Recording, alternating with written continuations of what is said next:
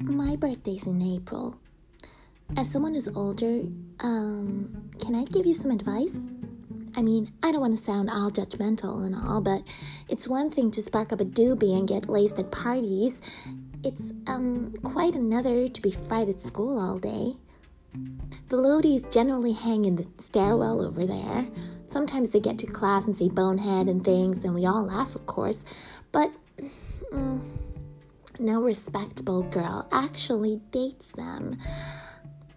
I don't mean to be harsh, but do you want to start off on the wrong foot, do you?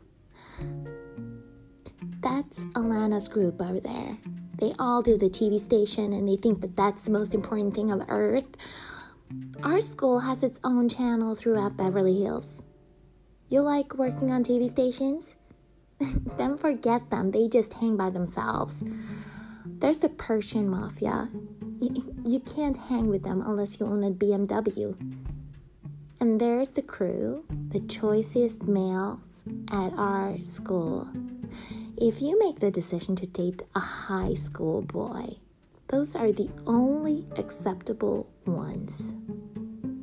Oh, hey, I got a great idea. Let's do a makeover.